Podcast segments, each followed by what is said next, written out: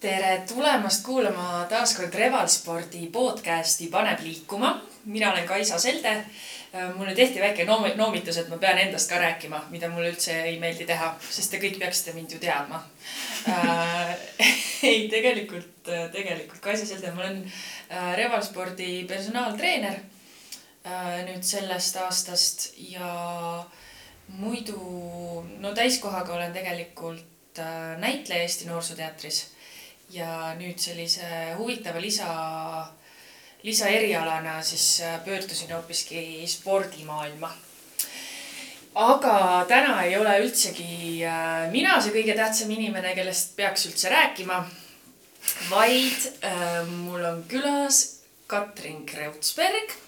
jällegi, jällegi mul on nii suur rõõm ja sel korral nagu juba eelmise saate lõpus siis äh, lubatud sai, räägime toitumisest, äh, toitumishäiretest ja kõigest sellega kaasnevast. ja ennem kui me alustame, ütlen ka siia siis äh, ära, et podcast'i õigused on kaitstud. mitte ühelgi kolmandal isikul ega ajakirjanikul ei ole õigust meie räägitut tsiteerida ega sellest kirjutada ilma meie kirjaliku nõusolekuta aga nii, aga nii, nüüd äh, Katrin, hakkame kohe pihta, et äh, eelmises saates lubasin, et, et sa katad siia mulle siukse mõnusa toidulaua. ja no räägi, mis meil siin laua peal siis praegu on, ehk siis äh, mida, mida sina sööd, et sina nii ilus ja nii tore oled? Tere jälle ka minu poolt, võtsin siin vahepeal soojendustressi pealt ära um,? ma teg-, tegelikult isegi omalt poolt enne, kui, kui me sellesse teemasse sukeldume äh,, tahaksin ka rõhutada või kuidagi öelda, et, äh, et see kõik, ma arvan, millest me ka täna rääkima hakkame, on, on hästi paljuski meie kogemuslood. et, äh, et ma arvan, et see on oluline asi äh, millega arvestada, et, et ei ole mina arst, on ju, et ei ole ka Kaisa, on ju, arst. veel ei ole. veel, veel ei ole, just et, et need on ikkagi meie enda kogemused ja, ja see, mida ma räägin, on siis ka hästi-hästi-hästi paljuski minu enda teekond, on ju, ja mingisugused enda arvamused ja, ja mm, tulemused, milleni ma olen jõudnud, et lihtsalt, mis, mida saab siis loota, on see, et et, et see võiks siis kedagi inspireerida äh, ka tegema mingisuguseid otsuseid elus. et seda ma tahtsin lihtsalt ise ka alguses üle täpsustada, et, et oluline. aga mida ma ise söön oh,? praegusel hetkel ma arvan, et äh, ma arvan, et mul on sellega, ma ütlen väga-väga hästi. arvestades seda, mis on olnud äh, varasemalt, millega ma olen kokku puutunud ja mis suhe mul on toiduga olnud, siis praegu ma olen tõesti sellisesse kohta jõudnud, kus ma arm-, noh, ma tõesti, ma armastan söömist. tegelikult mul on kogu aeg meeldinud süüa, aga ma arvan, et mu kõik mu töökaaslased, äh, kellega ma riietusruumi jagan, võivad äh, siin noogutada et katt sööb tegelikult väga palju ja üldse minu lähedased inimesed teavad, et. nii, äh, mida sa peaks tähendama? juba läheb väga intrigeerivaks. mul on hästi, mul on, mul on iga kahe-kolme tunni tagant ainult üldiselt vaja süüa, et ma kuidagi nagu, see on kindlasti seotud tööga, tundide andmisega, trenne on nii hommikuti kui õhtuti, mingil hetkel ka päeval. et lihtsalt see töö, ma arvan, on hästi paljuski kujundanud selle, kui tihedasti ma päeva jooksul söön. et üldiselt see kaks-kolm tundi on sihuke, et, äh, et siis ma, siis mul on nälg majas, ehk siis ma olen sihuke tihe sööja. et äh, ma söön kõike, äh, et selles mõttes nüüd muidugi pärast, kui ma see nädalavahetus veetsin mõned tunnid äh, vaadates paari dokumentaali, mis on praegu väga suure kõlapinnaga, siis võib-olla liha ja kala enam ei tundu nii, nii isu äratavad, aga üldjuhul ma olen kõigesööja ja jälgin, et oleks juurviljad, puuviljad, teraviljad, äh, loomne, tai-, noh, loomne, taimne, äh, söön mõõdukalt magusat, et see on minu selline võib-olla kiiks, mida tihtipeale vaadatakse, et kuidas see võimalik on, et sa noh, et mul jääb, ma treenisin või noh, okei okay,, me võib-olla hiljem jõuame ka selleni, et ülikooli ajal mul oli selline otsus, ma nüüd kolm nädalat ei söö magusat. ja kuidagi ma mäletan, et pärast seda mul ei olnudki äh,, mul oli väga lihtne enda magusaisu täis saada, nii et tegelikkuses ma olen jah see, kellele piisab kolmest, kahest tükist šokolaadist ja see on okei okay. ja mul ei ole rohkem vaja. iga kahe tunni tagant mitte iga kahe tunni tagant, päevas, päevas, kui ma söön midagi soolast, ma võtan väikse ampsu magusat ja that's it. et paljude jaoks on see väga šokeeriv, ma saan aru ja joon smuutisid hästi palju või noh, mitte hästi palju, aga seda ma tõesti igapäevaselt äh, tarbin. kohvi, piima äh, või taimepiima, äh, vett ähm, et jah, ma olen kõik, ma olen kõigesööja ja ma ütlen, et ma proovin täiesti teadlikult oma toidulauda hoida hästi mitmekesiselt ka. kas sul on mingisugused patutoidud ka või? või üldse os, oskad sa nime või nagu. absoluutselt. nimetad midagi selliseks nagu. absoluutselt on see kaheksakümmend, kakskümmend protsenti, millest me eelmises saates rääkisime, on mul see kakskümmend protsenti mulle väga meeldib äh, mulle meeldivad pitsad, mulle meeldivad burgerid, mulle meeldivad wrapid, ütleme niimoodi, et kõik sellised toidud, mida tavaliselt öeldakse, et nad on mingid patutoidud, eks ole. et mul on ikkagi kord nädalas, ma luban endale kas siis mingit sorti pitsalõigu, võib-olla mingi wrap'i, burgeri miks mitte aeg-ajalt friikartuleid, et selline kiirtoit nii-öelda on täitsa teemas, aga lihtsalt ma arvan, et siinkohal on see märksõna nagu mõõdukus ja koogid ja noh, absoluutselt, et kui ma ütlen, et ma söön kõike, siis ma mõtlen selle all, et ma söön kõike, välja arvatud borsisupp mida ma, mida ma kind of jälestan, aga, aga üldiselt, üldiselt ma jah, olen väga sellise, kuidas ma ütlen, normaalse, normaalse toitumise ja inimliku toitumiseni jõudnud oma kogemuste läbi. Väga hea, ainult rõõm kuulda, aga mm -hmm. nüüd äh, nüüd lähmegi selle meie saate nii-öelda põhiteema juurde, milleks on siis toitumishäired, et äh, ma käisin su lõputöö kaitsmisel, kus sa kirjutasid siis muuhulgas ka toitumishäiretest ja seal sa juba ütlesid, et sul on endal ka äh, kokkupuude olemas mm. -hmm. et kas sa oleksid nõus seda teemat natukene avama? eks ma muidugi olen, et ma nüüd jõudsingi, ma arvan, viis aastat tagasi oli äkki see esimene kord, kui ma avalikult äh, tegin selle kohta ka blogipostituse. kus siis oli minu jaoks esimene kord, kui ma nagu sain aru, et äh, mul on see probleem olnud või, või ma, ma vist nimetasin seda tookord esimest korda toitumishäireks. Mis puudutab mu lõputööd, siis see läks jah nii, et ma peale ühte oma treeningut jäin ühe kliendiga suhtlema ja sellise äh, noh, üsna pealiskaud, üsna pealiskaudne vestlus läks üsna kiiresti üsna sellisteks tõsisteks teemadeks, et tuli välja, et tal on olnud hästi pikalt toitumishäired, et sellised alased probleemid ja siis äh, noh, mina muidugi ütlesin, mul oli just vaja lõputöö klienti, et äh, ja siis ma kutsusin teda.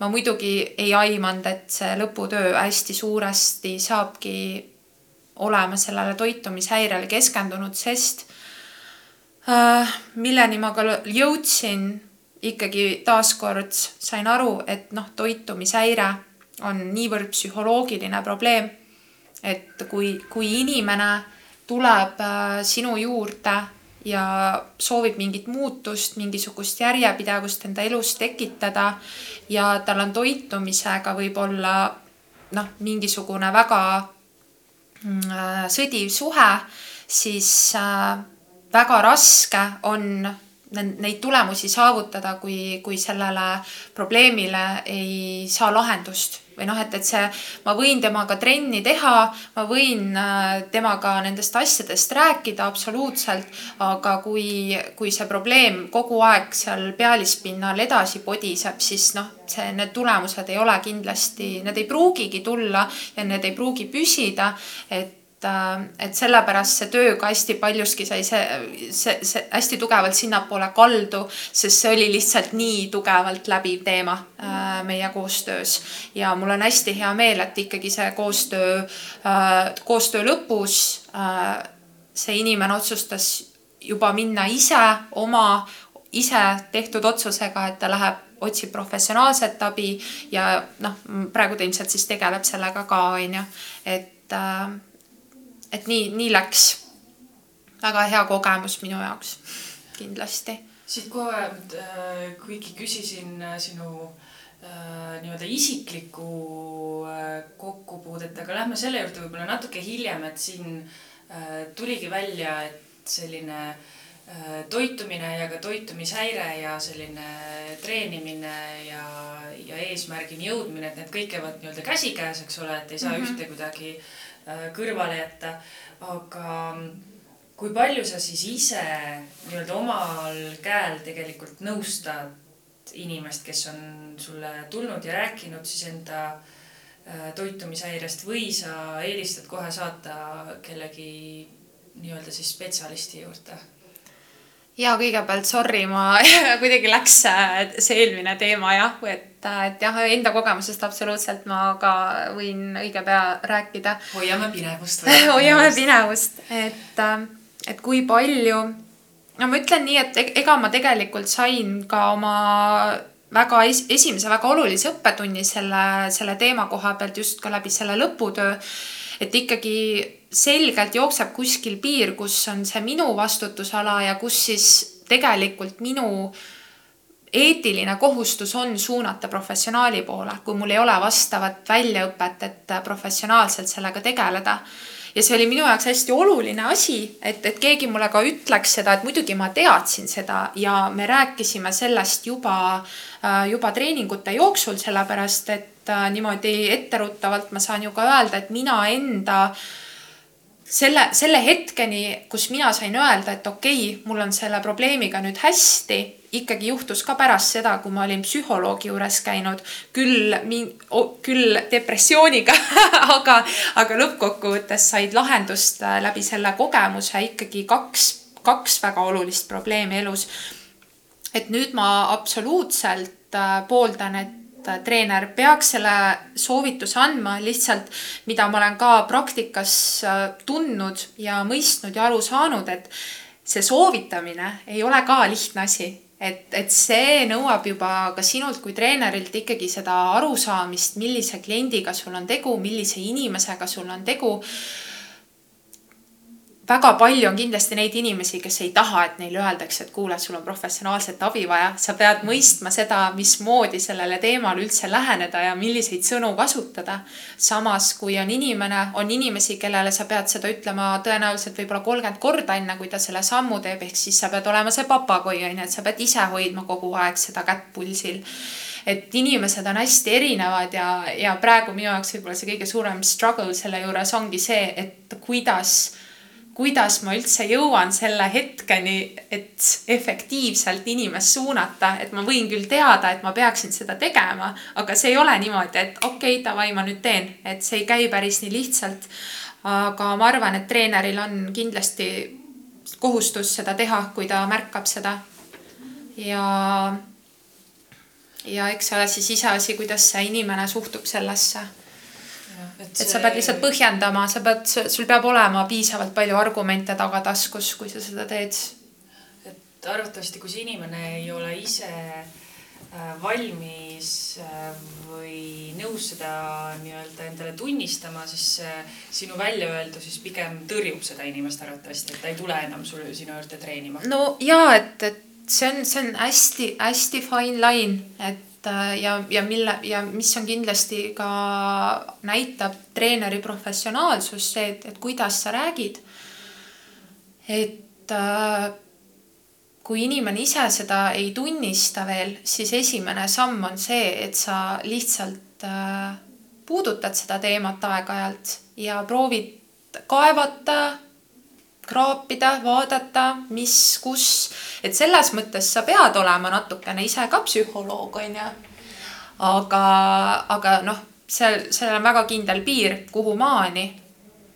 et, et aga see nõuab jah, sellist, sellist kohmitsemist natukene ja, ja häkkimist nii-öelda, et, et siis inimene sinna punkti saada ja, ja see on see on oskus, mida tuleb arendada või, või õppida, et see, et see, et võib-olla osadel on see nagu loomulikult olemas, aga mina, mina küll saan aru, et see on minu enda jaoks hästi suur kasvamise koht, et, et kuidas noh, ise ka see, see kasvatab tohutult ju kannatlikkust, on ju, et sa tahad, sa ise näed seda probleemi nii selgelt, eriti kui sa oled ise selles olukorras olnud. sa tahaksid kohe nagu peale lennata, sihuke maailmapäästja olla, et mingi ohohoo, mine tee, kõik saab korda, on ju, aga noh reaalsuses sa pead tõmbama, noh, panema täiega pidurit ja step by step ikkagi seda teemat vaikselt avama.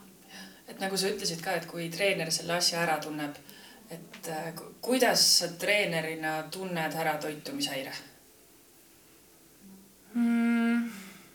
Kas seda on üldse võimalik kuidagi uh,, see on, kuidagi ära tunda? see on nagu nüüd on niisugust nagu mitu, mitu aspekti selle asja juures, mul lihtsalt tuli esimese asjana näiteks kohe noh, kohe meelde üks selline visuaalne lugu, noh e, kõige selline esmasem infoallikas on see, mida sa näed, on ju. Mhm. et, äh, et kui ma ise veel selle teemaga tegelesin ja ei olnud veel oma lahendusteni jõudnud, seda julgust sellest rääkida ka nii palju ei olnud mind siiamaani kummitab tegelikult üks klient, kes ilmselgelt oli äh, anorektik ja käis mul rühmatreeningutes ja ma ei teinud midagi, kuigi ma sain aru, ma sain jumala kindlalt aru, sellepärast et ta tuli, käis mul trennis ja siis ta tuli kahe kuu pärast uuesti ja ta oli, ma ei tea, mitu kilo alla võtnud, kümme kilo, võib-olla viisteist kilo, ta oli nagu täiesti teine inimene. ja ma sain kohe aru, et see ei ole normaalne, aga ma ei teinud seda sammu ja see on nagu minu sihuke taak, ütleme niimoodi, et ma kannan seda siiamaani kaasas mm,. teine asi on äh, muidugi see, et mis on see treenimise ja toitumise suhe, et et sellest on ka tegelikult Siim on äh, uurinud seda ületreenimise värki ja kirjutanud sellest äh, ka oma magistritöö, mida ma olen siis ka uurinud ja lugenud ja mis suhe on treenimisel ja toitumisel on ju, et kui inimene tuleb sinu juurde, mis iganes soov tal on, siis sa teedki kõigepealt selgeks selle mis suhe on tal toiduga. et see kohe tegelikult annab sulle infot, kas see treenimine on tema jaoks äh, asi, mida ta teeb äh, tervise eesmärgil või on see tema jaoks konkreetselt vahend oma toitumishäiret nii-öelda, et see on osa sellest, on ju, et see liikumine, energia kulutamine on asi, mida, mida häire all kannatavad inimesed lihtsalt teevad, et tunda, et jumala eest, et ma ei ole juurde võtnud, noh, et, et et see on nagu teine asi, noh, mis juba eeldab seda, et sa pead inimesega rääkima ja suhtlema. et, ähm, et ma ütleks, et need on minu arvates kaks sellist peamist asja, kuidas saab üsna, üsna selgelt, äh, üsna selgelt aru et personaal, noh, ma räägingi, et personaaltreeneri töös sa saad väga palju rohkem suhtlust kasutada, kasvõi mingid toitumispäeviku analüüsid, muidugi sa pead olema veendunud, et inimene sulle ei valeta, mida Just. ka juhtub, onju. sinna ma tahtsin öelda, kui, kui avatult tegelikult inimesed on nõus siuksest asjast rääkima või nagu keegi ei tule ju sulle kohe esimeses tunnis ja ei ütle, et tead, Katrin, mul on tegelikult see, et ma jah, tahaks olla sulg kaalus, et ma ei söö midagi ja ma tahaks ainult su juures iga päev käia trenni tegemas. no see on juba ilmselgelt sihuke asi, et, et siis sa juba ütled ei või noh. ja, ja, ja, ja et see ongi sihuke äärmus ja teine asi on äh, loogika, puhas loogika. noh, näiteks mida mina kui, kui on minu juures inimesi tulevad, kes tahavad kaaluga tegeleda näiteks noh, siis sihuke päevase aktiivsuse jälgimine ja, ja toidupäeviku analüüs, toidu jälgimine, noh, see on osa sellest protsessist. et äh, sa ei saa fake ida oma igapäevast aktiivsust või noh, et, et kui on mingi probleem, kui sa kasutad aktiivsust ja aktiivseks olemist, sa saad seda ainult siis teha, kui sa ei kasuta kella, onju. aga kes on äh, probleemne, siis ma ei usu, et seal on asi, on võimalus, et ta ei kasuta kella. või noh, tihtipeale tänapäeval eriti onju, et sa ikkagi track'id kogu aeg, mis sa teed, onju. kuigi noh, ja muidugi on, on ka neid, kes seda ei tee kindlasti, et see ei ole noh, üldistus mm,. aga et sa ise loogiliselt viid asjad kokku, kas noh, kas see, mis sa näed kellalt, kas see, mis sa näed toidupäevikust, kas need omavahel klapivad, on ju. et õnneks mul ei ole sellist asja olnud, et äh, keegi mulle valetaks otseselt. et äh, ma arvan, et ma olen piisavalt palju andnud endast välja seda signaali, et äh,, et ma olen selle teema koha pealt mul on endal see kogemus ja see kind of on minu meelest tekitanud inimestes usaldusväärsust sellest rääkida ka, et et, ähm, et mul jah, päris sellist, sellist kogemust ei ole veel isegi olnud, kus ma olen nagu avastanud, et oo, äkki tal on toitumisprobleem, on ju, et see noh, et sa noh, ei tohi otsida ka seda minu meelest, aga issand, mulle, ma räägin, et nüüd see küsimus läks mul veits lappama, aga um, ma ei tea, kas see vastas või?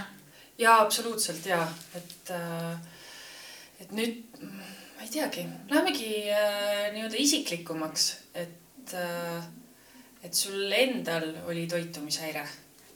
aga äh, nagu me teame, siis iga aastaga ja mida aeg edasi, aina rohkem kuidagi äh, diagnoositakse rohkem toitumishäireid äh, ka rohkem erinevaid toitumishäireid, pannakse igasuguseid erinevaid nimesid, eks mm -hmm. ole. et äh, kas äh, sina sel ajal, kui sul see toitumishäire oli, oskasid sellele juba nagu nimetust anda ja, ja teadsid, millega tegu on või see oligi äh, selline sinu jaoks äh, normaalsus?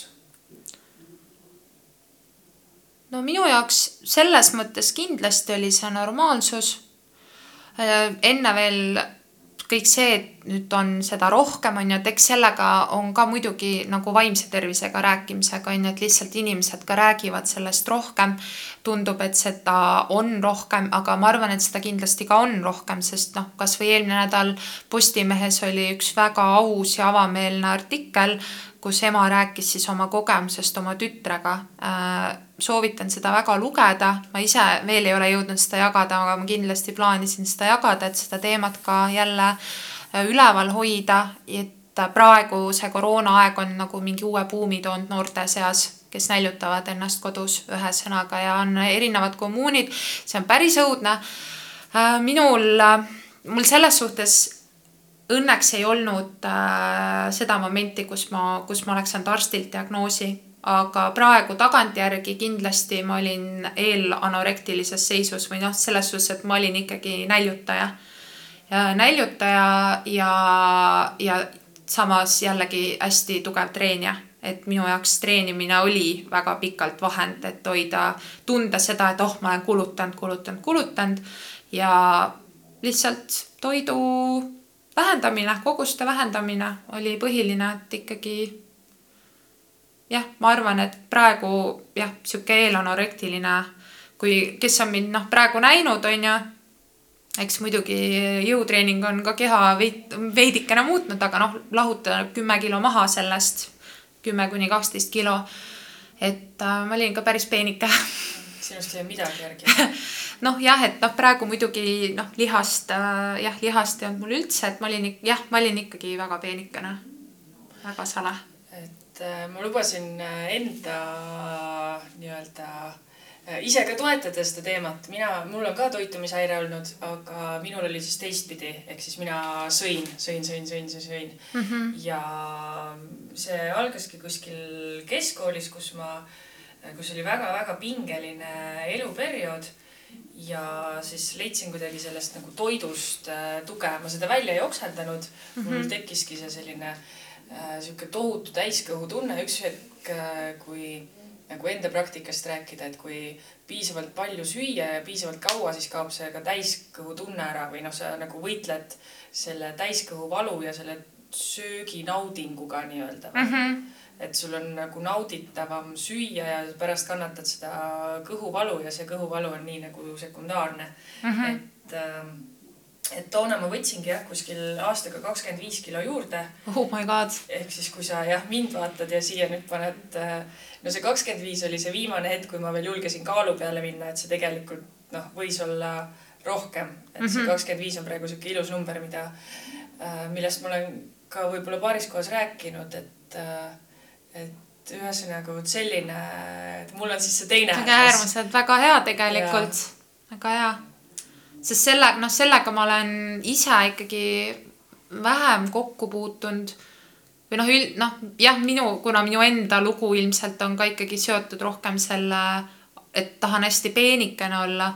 Aga noh, samas see ongi ju tihtipeale seotud sellega, et ei suudeta söömist lõpetada või on noh, mingisugused hästi, hästi sellised kontrollimatud söögiisud, noh, mis siis ju põhjustabki kogu seda kupatust, et, et sa tahad süüa ja, ja siis kaal ei lange, on ju, aga et ikkagi see kaalulangetus on oluline, et ma ei tea, kuidas sinul oli, et kas sa kas sa üldse mõtlesid selle peale, et mis su kaal on või et kas sa tahad nagu vähemaks saada või sa lihtsalt nii hullult nautisidki söömist, et sul oli jumala ükskõik sellest äh,, kuidas sa ennast oma kehas tunned? issand, ma ei teagi, no loomulikult ikkagi naisterahvana ja keska noh, sihuke, kus äh, kõik isiksus ja kõik asjad alles arenevad, onju.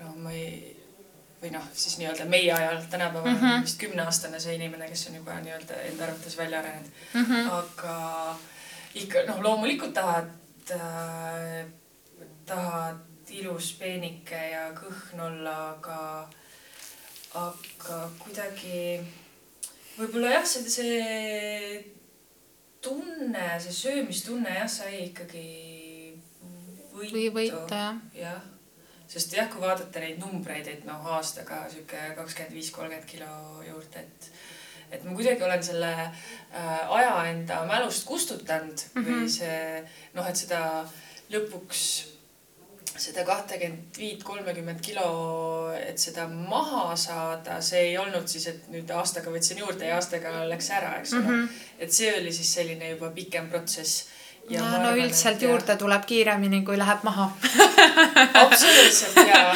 või noh, sedapidi see töötab nagu lihtsamalt veidikene.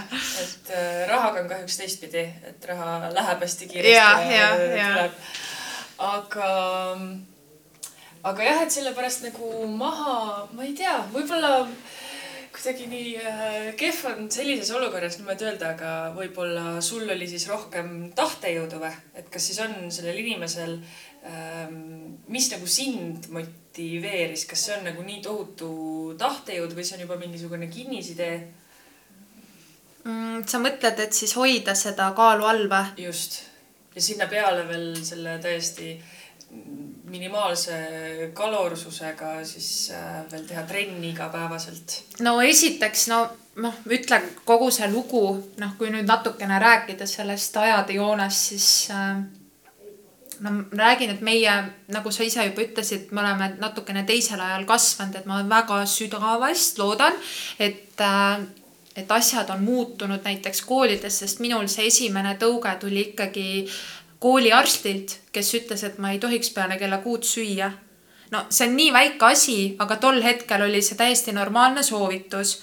ja siis muidugi inimesena, noore, noore rumala inimesena sa mõtled, et aga siis just midagi on ilmselt liiga palju, et ta mulle seda soovitab, onju, siis sa hakkadki, sa ei hakkagi sööma peale kella kuut, siis ma olin ju veel ka, ma tegin sporti aga kas tegelikult tõesti ta lihtsalt niimoodi.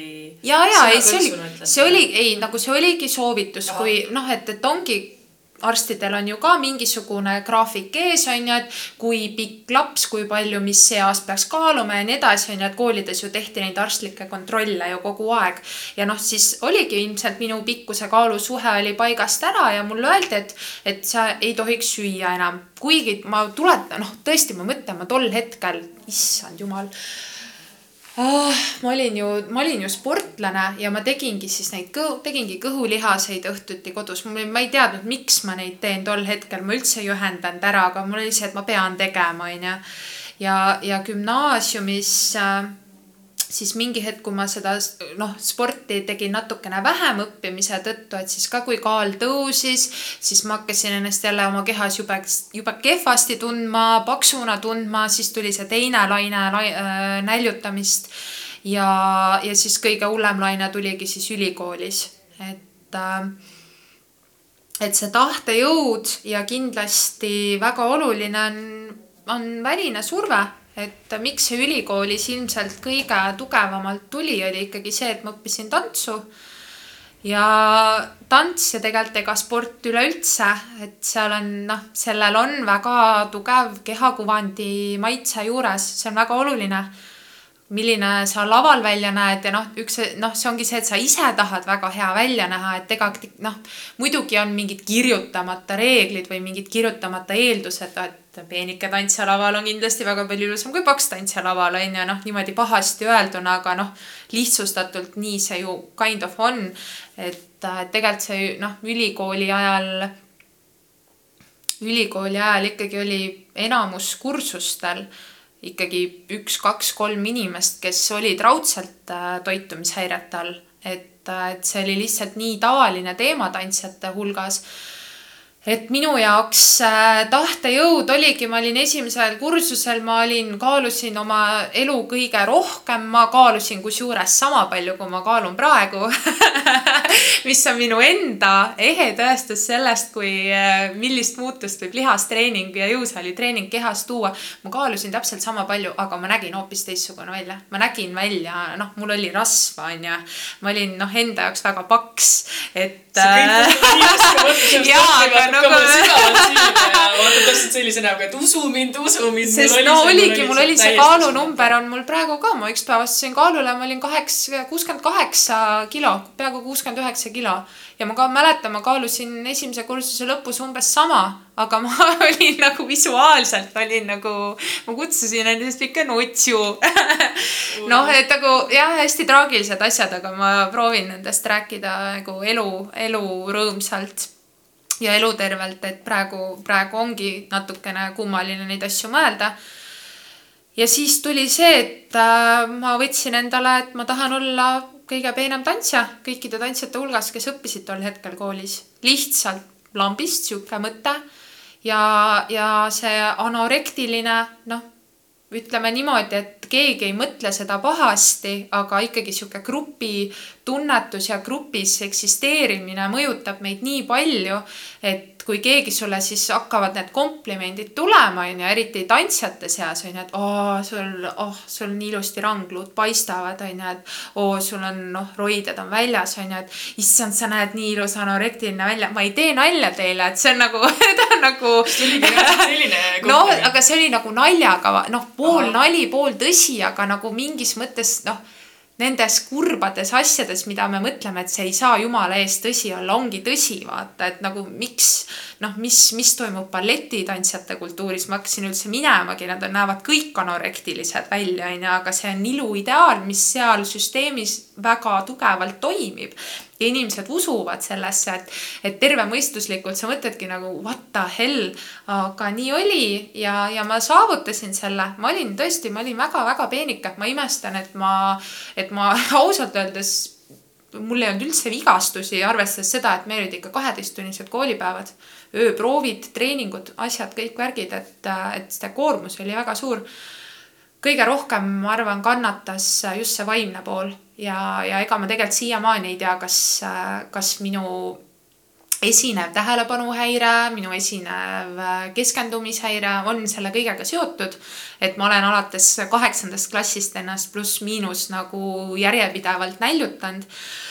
et aga õppimine oli jah raske, on kogu aeg raske olnud, et sihuke asjade pähe jätmine ja et see nõuab minult hästi suurt pingutust ja, ja see, mis on nagu mingi kaloraaž no joh, ei tea, keegi ei rääkinud nagu sellest, mingit tasakaalustatud toitumine, mitte midagi. et, et su aju kasutab, vajab süsivesikuid selleks, et tööd teha, onju. mit-, sa ei, mitte midagi ei teadnud nagu ja see, selle enam ma, sama, mis ma eelmises saates ka rõhutasin, et see on nii oluline asi võib tunduda, noh, see on nii basic teadmine, mida tegelikult inimestele tuleb kaasa anda, et, et nad teaksid, lihtsalt teaksid ja võib-olla see aitab kedagi nagu tege-, teha paremaid otsuseid elus. ütleme niimoodi. aga samas vaatamata sellele kõigele, nagu sa eelmises saates jällegi ütlesid, oled sa eluaeg olnud väga hea õppija ja väga ähm, saamu, saavutushimuline ja ühesõnaga see äh, toitumishäire ei ole tegelikult sind kunagi juhtinud või, või on sul vahepeal ka selline tunne olnud, et äh, mina on ja siis on see võrdusmärk ja siis on see toitumishäire. vot seda õnneks ei ole jah mm võib-olla oli ülikooli ajas, ülikooli ajal mingi hetk võis olla see moment küll, kus see toitumine oli niivõrd oluline. Sest no lihtsalt nii palju näljatunnet oli, ma mäletan seda näljatunnet kõige rohkem, et seda oli nagu nii tihti ja nii palju, et sa pidid seda kogu aeg kannatama ja, ja mul ei olnud sellist momenti küll, kus oleks noh. ma teadvustasin kogu aeg, et ma kannatan nälga, et see ei olnud muutunud minu jaoks selliseks normaalsuseks, et äh, et ongi mõnus sihuke hõre on olla, et seda ei olnud aga hiljem muidugi ma ei ole lasknud defineerida täpselt noh, ega ka see depressioon ja kõik see ärevus, mis on nagu noh, käib, on käinud ka kaasas kõrvuti, et ma olen ikkagi teinud selle otsuse selgelt, et ma ei lase mitte ühelgi nendel asjal nagu ennast defineerida, et, et jah, ma arvan, et, et minu, minu suureks trumbiks on lihtsalt see, et ma olen sihuke väga, väga lahendustele orienteeritud inimene, et et, äh, et ma lihtsalt peksan endale jalaga nii kaua tagumikku, kui ma nagu välja saan oma aukudest nii-öelda. ja mis hetkel sa tundsid, et sa oled augus või mis hetkel sa hakkasid, nagu sa ütlesid, sul on sellised nagu kolm äh, sellist Ameerika mäelaadset siis sellist üles-alla mm -hmm. käimist olnud. et äh, kas sa selles olukorras sees olles siis said aru, et nii, nüüd on nüüd on asjad niimoodi, et mul on vist toitumishäire ja, ja peaksin midagi tegema hakkama. või sa kuidagi loomulikult äh, suutsid sellest välja rabeleda ja siis tagantjärgi mõtlesid, et näed, vaata tegelikult mul seal kaheksandas klassis hakkas ja.... seda toitumishäiret ma ikkagi teadvustasin suht, äh, suht peale ülikooli, et see arusaamine, et see ei ole normaalne, tuli äh,, tuli üsna kiirelt pärast seda sellest rääkimine õigete nimedega tuli muidugi hiljem. ja sellest äh, nii-öelda vabanemine tuli siis natukene veel hiljem, et nagu ma enne ka mainisin, siis tegelikult see tuligi läbi selle depressiooni ravi, mille ma ette võtsin, äh, et sealt august välja tulla ja kui siis seal toimus mingi väga tugev eluline nihe enda teadvustamine, kes ma inimesena olen ja mingi väärtuse leidmine, et siis oli lõpuks see moment, kus ma tegelikult suhteliselt lambist äh, mõistsin üks päev, et aga mul on, mul on suht noh, ma ei saa, ma ütlen, see on nüüd täiesti toitumishäire all kannatava inimese kontekstis öeldud. mul on suva, mis ma suhu panen endale või et mul oli, mul nagu kain-, see muutus minu jaoks siukseks nagu mitte selliseks kandvaks teemaks et mul läks muidugi ka nii hästi, et pärast seda, kui ma selle esimese blogipostituse avaldasin, siis üsna kohe pärast seda äh, elu viis mind kokku ühe neiuga, kellega me siiamaani suhtleme, kes siis tol hetkel töötas reaalselt haiglas äh, olevate inimestega, toitumishäire all kannatavate inimestega, kellel oli asi ikka väga halb ja tema kuidagi noh, tema loomus oli juba selline, et ta kuulas ja hästi küsis, et ta nagu kuidagi selline kokkuleppimata äh, pakt tekkis meie vahel, et ta kuidagi muutus minu usaldusisikuks sellel teemal, et tema ise hästi palju uuris ja küsis, kuidas mul läheb ja nii edasi. et tol hetkel ma küll ise sain aru, et okei okay,, et, et see on noh, paremaks läinud, aga, aga ikkagi sealt edasi veel läks paar aastat, enne kui ma jõudsin päris selle punktini, kus ma sain aru, et okei okay,, et nüüd on ikkagi, ikkagi väga hästi. et äh, et nüüd ma jälgin toitumist ainult nii palju, kui jällegi selle baasil, mida ma olen koolis õppinud. Äh, ma tean, mis on vaja selleks, et kehakaal säiliks, äh, vajadusel natukene oma kehakoostist muuta, aga see kõik püsib sellisel väga elutervel tasandil. et et see jah, juhtus tõesti alles kaks aastat tagasi. et sa niimoodi sellist äh, pikka mahukat märkmikku ei pea, et kilokalori täpsusega oleks kõik kirjas ja mm -mm. kurgiviilud oleks kaalutud ja. no selles mõttes seda ma kunagi kooli ajal tegin, aga ma ei, ma ei kirjutanud ülesse, mul oli peas käis see kalkuleerimine kogu aeg, et okei okay,, singipakk, kui palju viile ma iga päev süüa võin, nii edasi, nii edasi, onju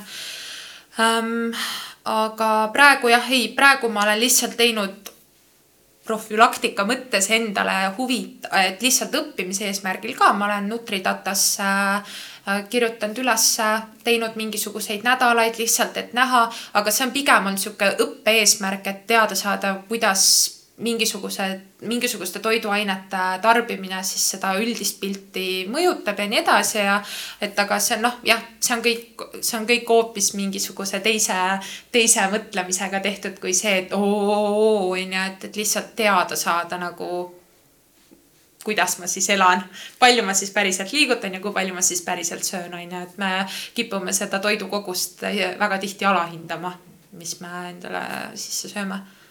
ja ja, ja ütlen enda kogemusest. aga äh, näiteks äh, minu puhul on see, et ma siiamaani ei ole kellegi käest nagu äh, abi küsinud ja nagu sel hetkel ka, kui sina ütlesid, et sul oli see blogipostitus, mis viis sind kokku siis äh, selle naisterahvaga, kes oskas sind väga hästi nõustada. et äh, kas see blogipostitus võis ka mingis mõttes olla äh, nagu soov abi saada pigem oli see soov sellest äh, teemast kirjutada. Äh, lihtsalt hästi huvitav fakt äh, jällegi selle toitumishäire juures on see, et ju sellest ei räägita. kui sa selle all kannatad, siis sa oled väga osav varjaja. et kui ma tegin selle postituse, siis mu ülikooliaegne korterikaaslane kirjutas mulle ja ütles, et ta ei saa mitte midagi aru nagu.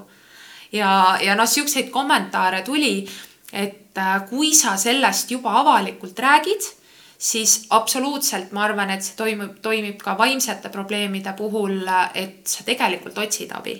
Et sa muidu ei räägiks seda ja see on ka tegelikult esimene samm, mis ma arvan, mis on justkui tundub hästi väike, aga lõppkokkuvõttes kõige olulisem asi, et sa sellest lihtsalt kirjutad, et ma arvan küll, et, et alateadlikult võis olla mingisugune teraapiline otsus sellest lõpuks rääkida, lihtsalt lõpuks rääkida ja siis seda tagasisidet saada ja ja päris hea tunne oli küll pärast seda ja eriti see tunne on tegelikult läinud järjest paremaks, sest, äh, sest siis sa saad aru, et ka teised julgevad sellest rääkida.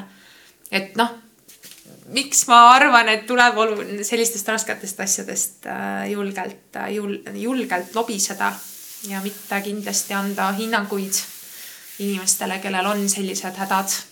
ja, aga kui ma nüüd seda podcast'i kuulates tunnen ennast ära ja ise päris podcast'is ei julge sellest veel rääkida ja, ja blogis ka ei julge rääkida, siis, siis kellega oleks äh, hea, hea see nii-öelda esimene samm koos teha või kelle poole ma peaksin pöörduma? no ma arvan, et mm, ma tahaks öelda instinktiivselt, et inimene, keda sa usaldad, aga, aga see ei ole ka päris nii lihtne. et võib-olla sa usaldad kõige rohkem oma elukaaslast, aga sa te-, sa mingi osa sinust tunneb, et ta ei ole õige inimene, et, et, et võib-olla temalt ma ei saa päris seda, mida mul on vaja. et see nõuab natukene läbimõtlemist, et äh, noh, mina isiklikult muidugi usun mingisugusesse sisse, võib-olla mingisugusesse intuitsiooni, et sa, et sa saad aru või, või proovid tajuda, et, et kes on see inimene, äh, kes, äh, kes sind võiks aidata. Või noh, et, et kui sa juba mõtled sellele, et sa tahad seda muret jagada, et muidugi seal võib olla taga see, et sa tahad, et keegi sulle ütleks, et aga see on okei. okay et see, kuidas sa käitud, on okei okay,, onju, et ehk siis nagu võimendab seda probleemi, onju.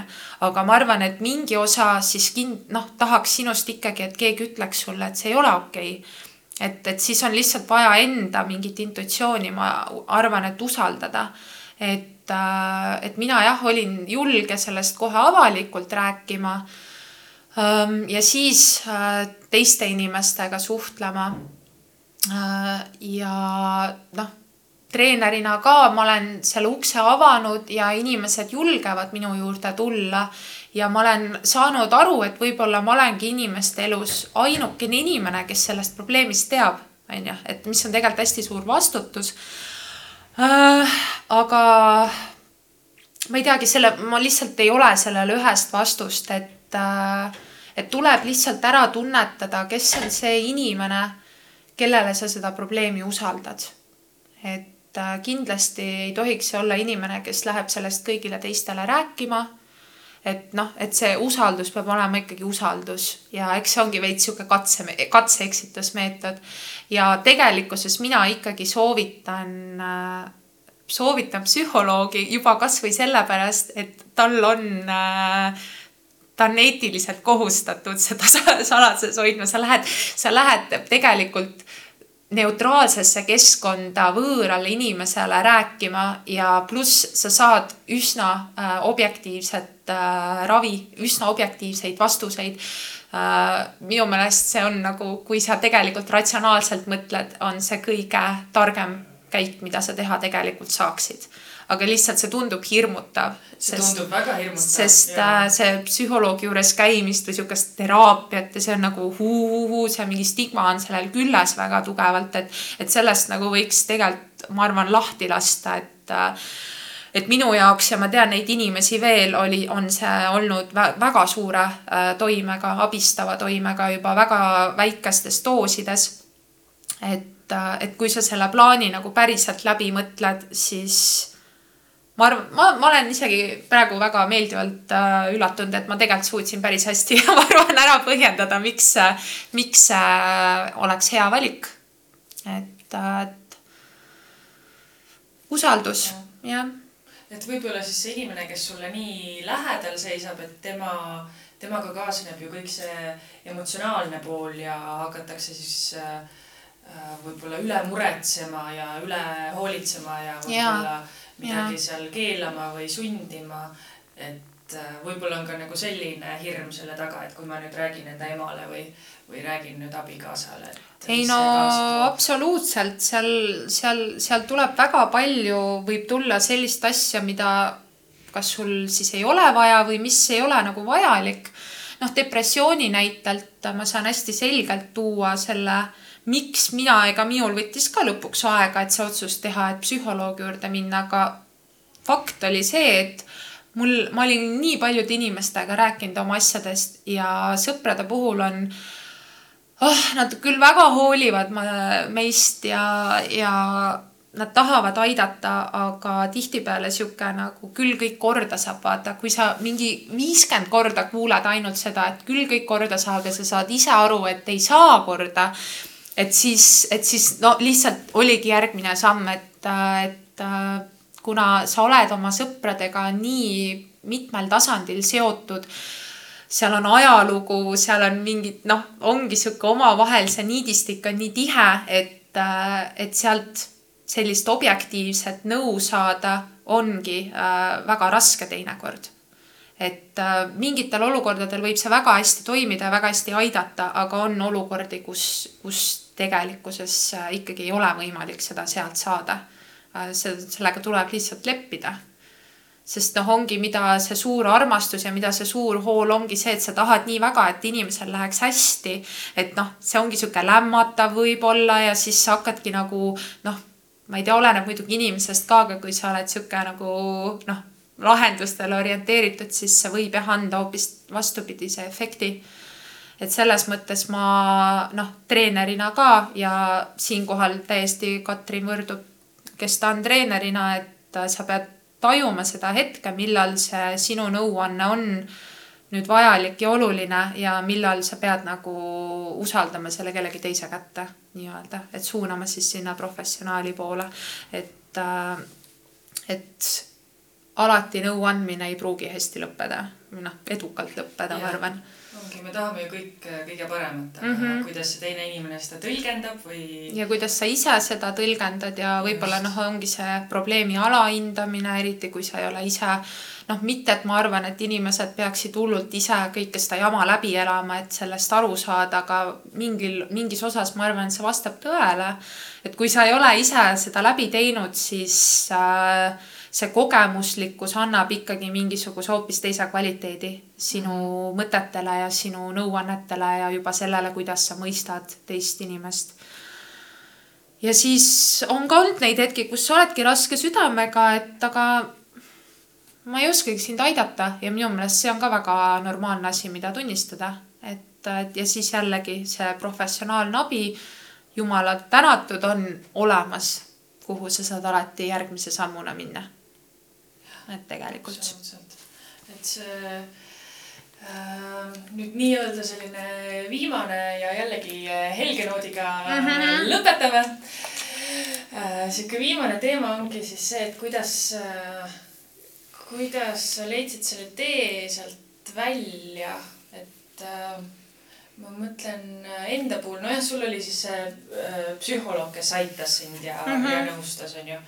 et äh, minu poolt ka, nagu ma ütlesin, ma olen kuidagi selle aja üritanud nii äh, ära kustutada ja ja kuidagi niimoodi hetkes elada, aga kui ma olen sinna tagasi kaevanud, siis tegelikult see, mis mind äh, lõpuks nagu aitas, oligi jah, see, et ma sain mentaalselt endaga sõbraks ja kuidagi peas sai kõik korda ja siis kõik ülejäänud, siis kõik need kakskümmend viis lisakilo, kõik kuidagi mm, noh, ma ei saa öelda märkamatu. raputasid selle, maha. raputasin maha, nägin sellega küll vaeva, ma ei, see ei juhtunud diivanil istudes, aga aga see võttis aastaid aega, aga senikaua, kuni selline äh, mõte ei olnud selge ja puhas ja, ja ma ei olnud äh, siis nii-öelda endaga heas kontaktis ja ei armastanud ennast, siis äh, nii kaua mitte mingit muutust ka ei juhtunud, isegi kui ma proovisin seal erinevaid dieete ja trenne ja no mida iganes mm. -hmm. ükskõik kui tervislik ma võisin olla või, või nii ja naa.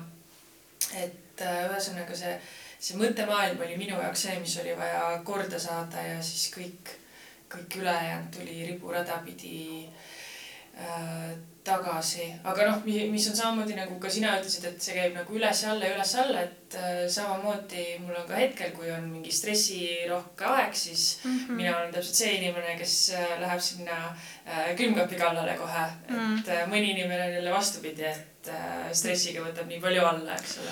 minul on jah, viimase, noh, ma olen aru saanud, et läheb järjest sinnapoole, kus on stress, siis mul tõmbab täiega, täiega kõhu õõnsaks ja ei taha süüa. kui on väga-väga stressirohke periood, siis, siis mul kaobki söögiisu ära. aga selles mõttes jah, ma täiega noogutan sinuga kaasa, et äh, tegelikult nii on, et äh, see toitumishäire on ikkagi ju väga psüühiline häire ja väga palju meie kehakuvandiga seotud. ja ma selles mõttes oleks ka ise sama asjani kind-, välja jõudnud. et see enese, noh, minu jaoks hästi tugev märksõna on ka enesekindlus. aga ennekõike jah, see enesearmastamine, et sa meeldid endale sellisena, nagu sa oled. et äh, et minul jah, oligi läbi selle depressiooni ravi, aga mis põhimõtteliselt oli ikkagi nagu sama eesmärgiga, et inimesena paremini toimida, esiteks aru saada, mida ma valesti teen, et äh, psühholoogias kasutatakse sellist terminit nagu mõttevead. et äh, mis on need mõttevead, millega sa siis igapäevaselt toimetad ja noh, meie neid mõttevigadena ei näe enne kui me neid, äh, meil ei ole keegi soovitanud neid niimoodi märgata. et meie ikkagi mõtleme, et me analüüsime ja mõtleme asju läbi ja, ja noh, minu jaoks oli hästi palju sihuke ülemõtlemine ja, ja mis siis lõpuks tulenes siis nendest kõrgetest standarditest, mis mul on ja, ja need ongi need standardid, mis sa endale ise peale surud, mis takistavad lõpuks ka sellist väljapääsu, sellepärast et sa ei oska abi küsida, sest sa oled nii veendunud, et sa pead kõigega ise elus hakkama saama, et, et noh, ja muidugi probleemi tunnistamine, aktsepteerimine on ka üks osa lahendusest, et aga, aga jah, läbi selliste mõtteharjutuste väga praktiliselt, ütleme niimoodi, mingil hetkel ma sain aru, et vau, mul on mingit enesekindlust tekkinud, absoluutselt seda enesekindlust on boost inud jõusaalis treenimine. mitte ilmtingimata sellepärast, et see annab mingisugust ilusat vormi, aga lihtsalt see, see pingutamine või see trennis käimine ja see nagu noh, see on nii teraapiline võib-olla, et et kindlasti on see seda boost inud juurde, aga lõppkokkuvõttes on ikkagi jah, see enesearmastamine ja muidugi see ähm, kandub üle ju ka sellele, milliste inimestega sa ennast ümbritsed. et äh, ka need inimesed äh, võiksid soovituslikult sinu ümber olla sellised, kes äh, sind aktsepteerivad ja, ja samuti sind ilusaks peavad, et et see ei ole, see, see kõik, see kõik kõlab, noh, ongi sihuke helge vaata, et see kõik kõlab nii lihtsalt, aga see ei ole tegelikult, see on nii raske asi, milleni jõuda, et, et öelda endale, et et oh, et ma meeldin endale koos oma vigade ja iluvigadega ja, ja nii edasi, et, et see võib olla ikkagi räme räme pikk teekond. aga, aga ma arvan küll jah, et ikkagi selle punktini, et sa saad öelda, et ma olen terve äh,. noh, see, see saab tegelikult toimida, toimuda alles siis, et muidugi meil on alati äh, meil on alati mingisugused asjad, mille kallal me tahame nokkida. ma ei, minu meelest seda ei olegi, seda ei olegi võimalik ja. välja nagu elimineerida. aga, aga see nokkimine võib olla noh, see saab olla sihuke tervislik, vaata. et kas sa lased nendel, nendel asjadel samamoodi ennast defineerida ja äh, püüdluses ennast muuta, siis äh, muutuda sinu elu mingisuguseks käivitavaks jõuks või siis sa lihtsalt ah, jah mul võiks olla, mul võiksid ägedamad jalad olla, aga see ei takista mul nagu mu elu elamast või nagu nende noh, ikkagi paljaste säärtega käimist ja nagu, et ma selles suhtes äh, ikkagi jah, hindan ennast. see jah, see enesemeeldimine, et sa ikkagi võiksid endale meeldida sellisena, nagu sa oled. et see on, ma arvan, sihuke tore asi nunnu asi.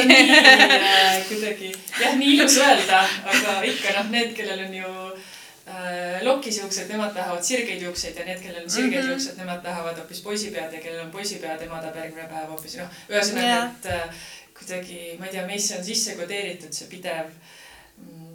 võtame seda siis nagu nii-öelda alamõt- või nagu, mis see alateemane peaks olema, siis pidev areng tegelikult, aga kas kas see on nagu realistlik äh, ja kas need mõtted igapäevaselt on siis nagu, nagu vajalikud, et äh,.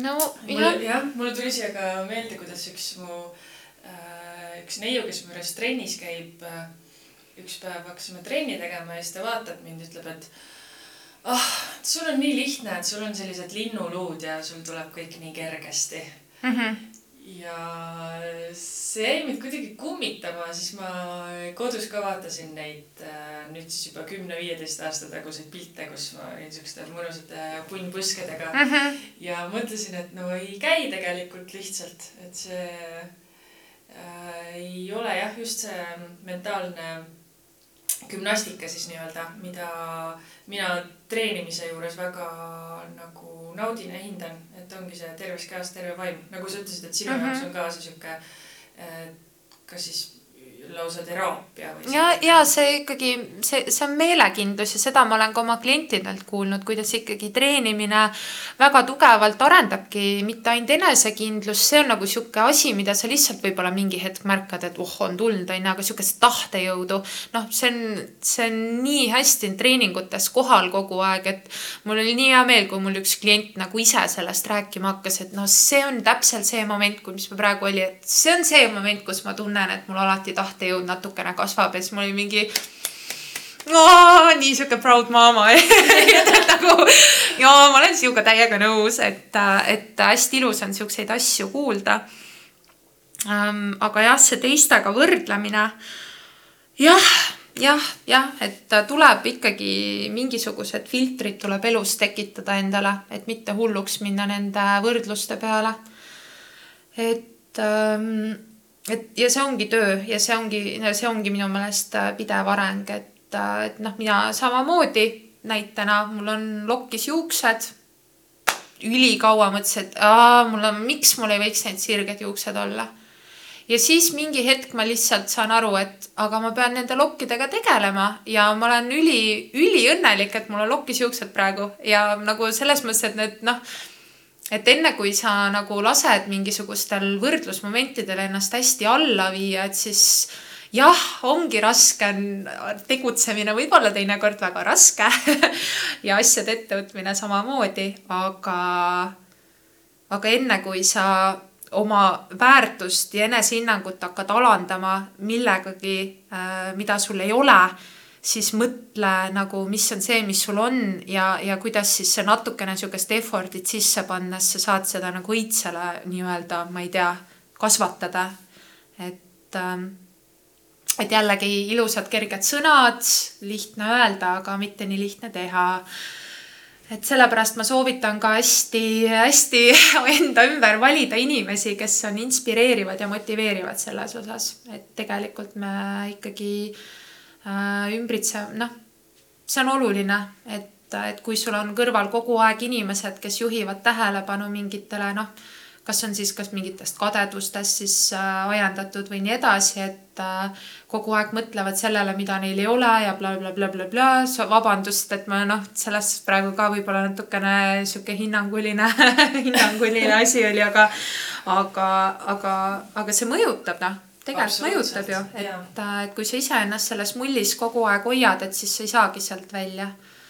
et, äh, et mina soovitan küll selle koha pealt mm, sihukest tervislikku enese, er-, tervisliku enesearenguga tegelemist, et see ei tähenda, et sa pead hakkama mingit abc raamatuid lugema, vaid see hakkabki sihukestest väikestest asjadest nagu näiteks trenni tegemine. Nii tore praegu, tõmbame siukse ilusa liini siia lõppu. ikkagi sellise helge, helge, helge noodiga lõpetame. aga see on tõsi, see on tõsi tegelikult.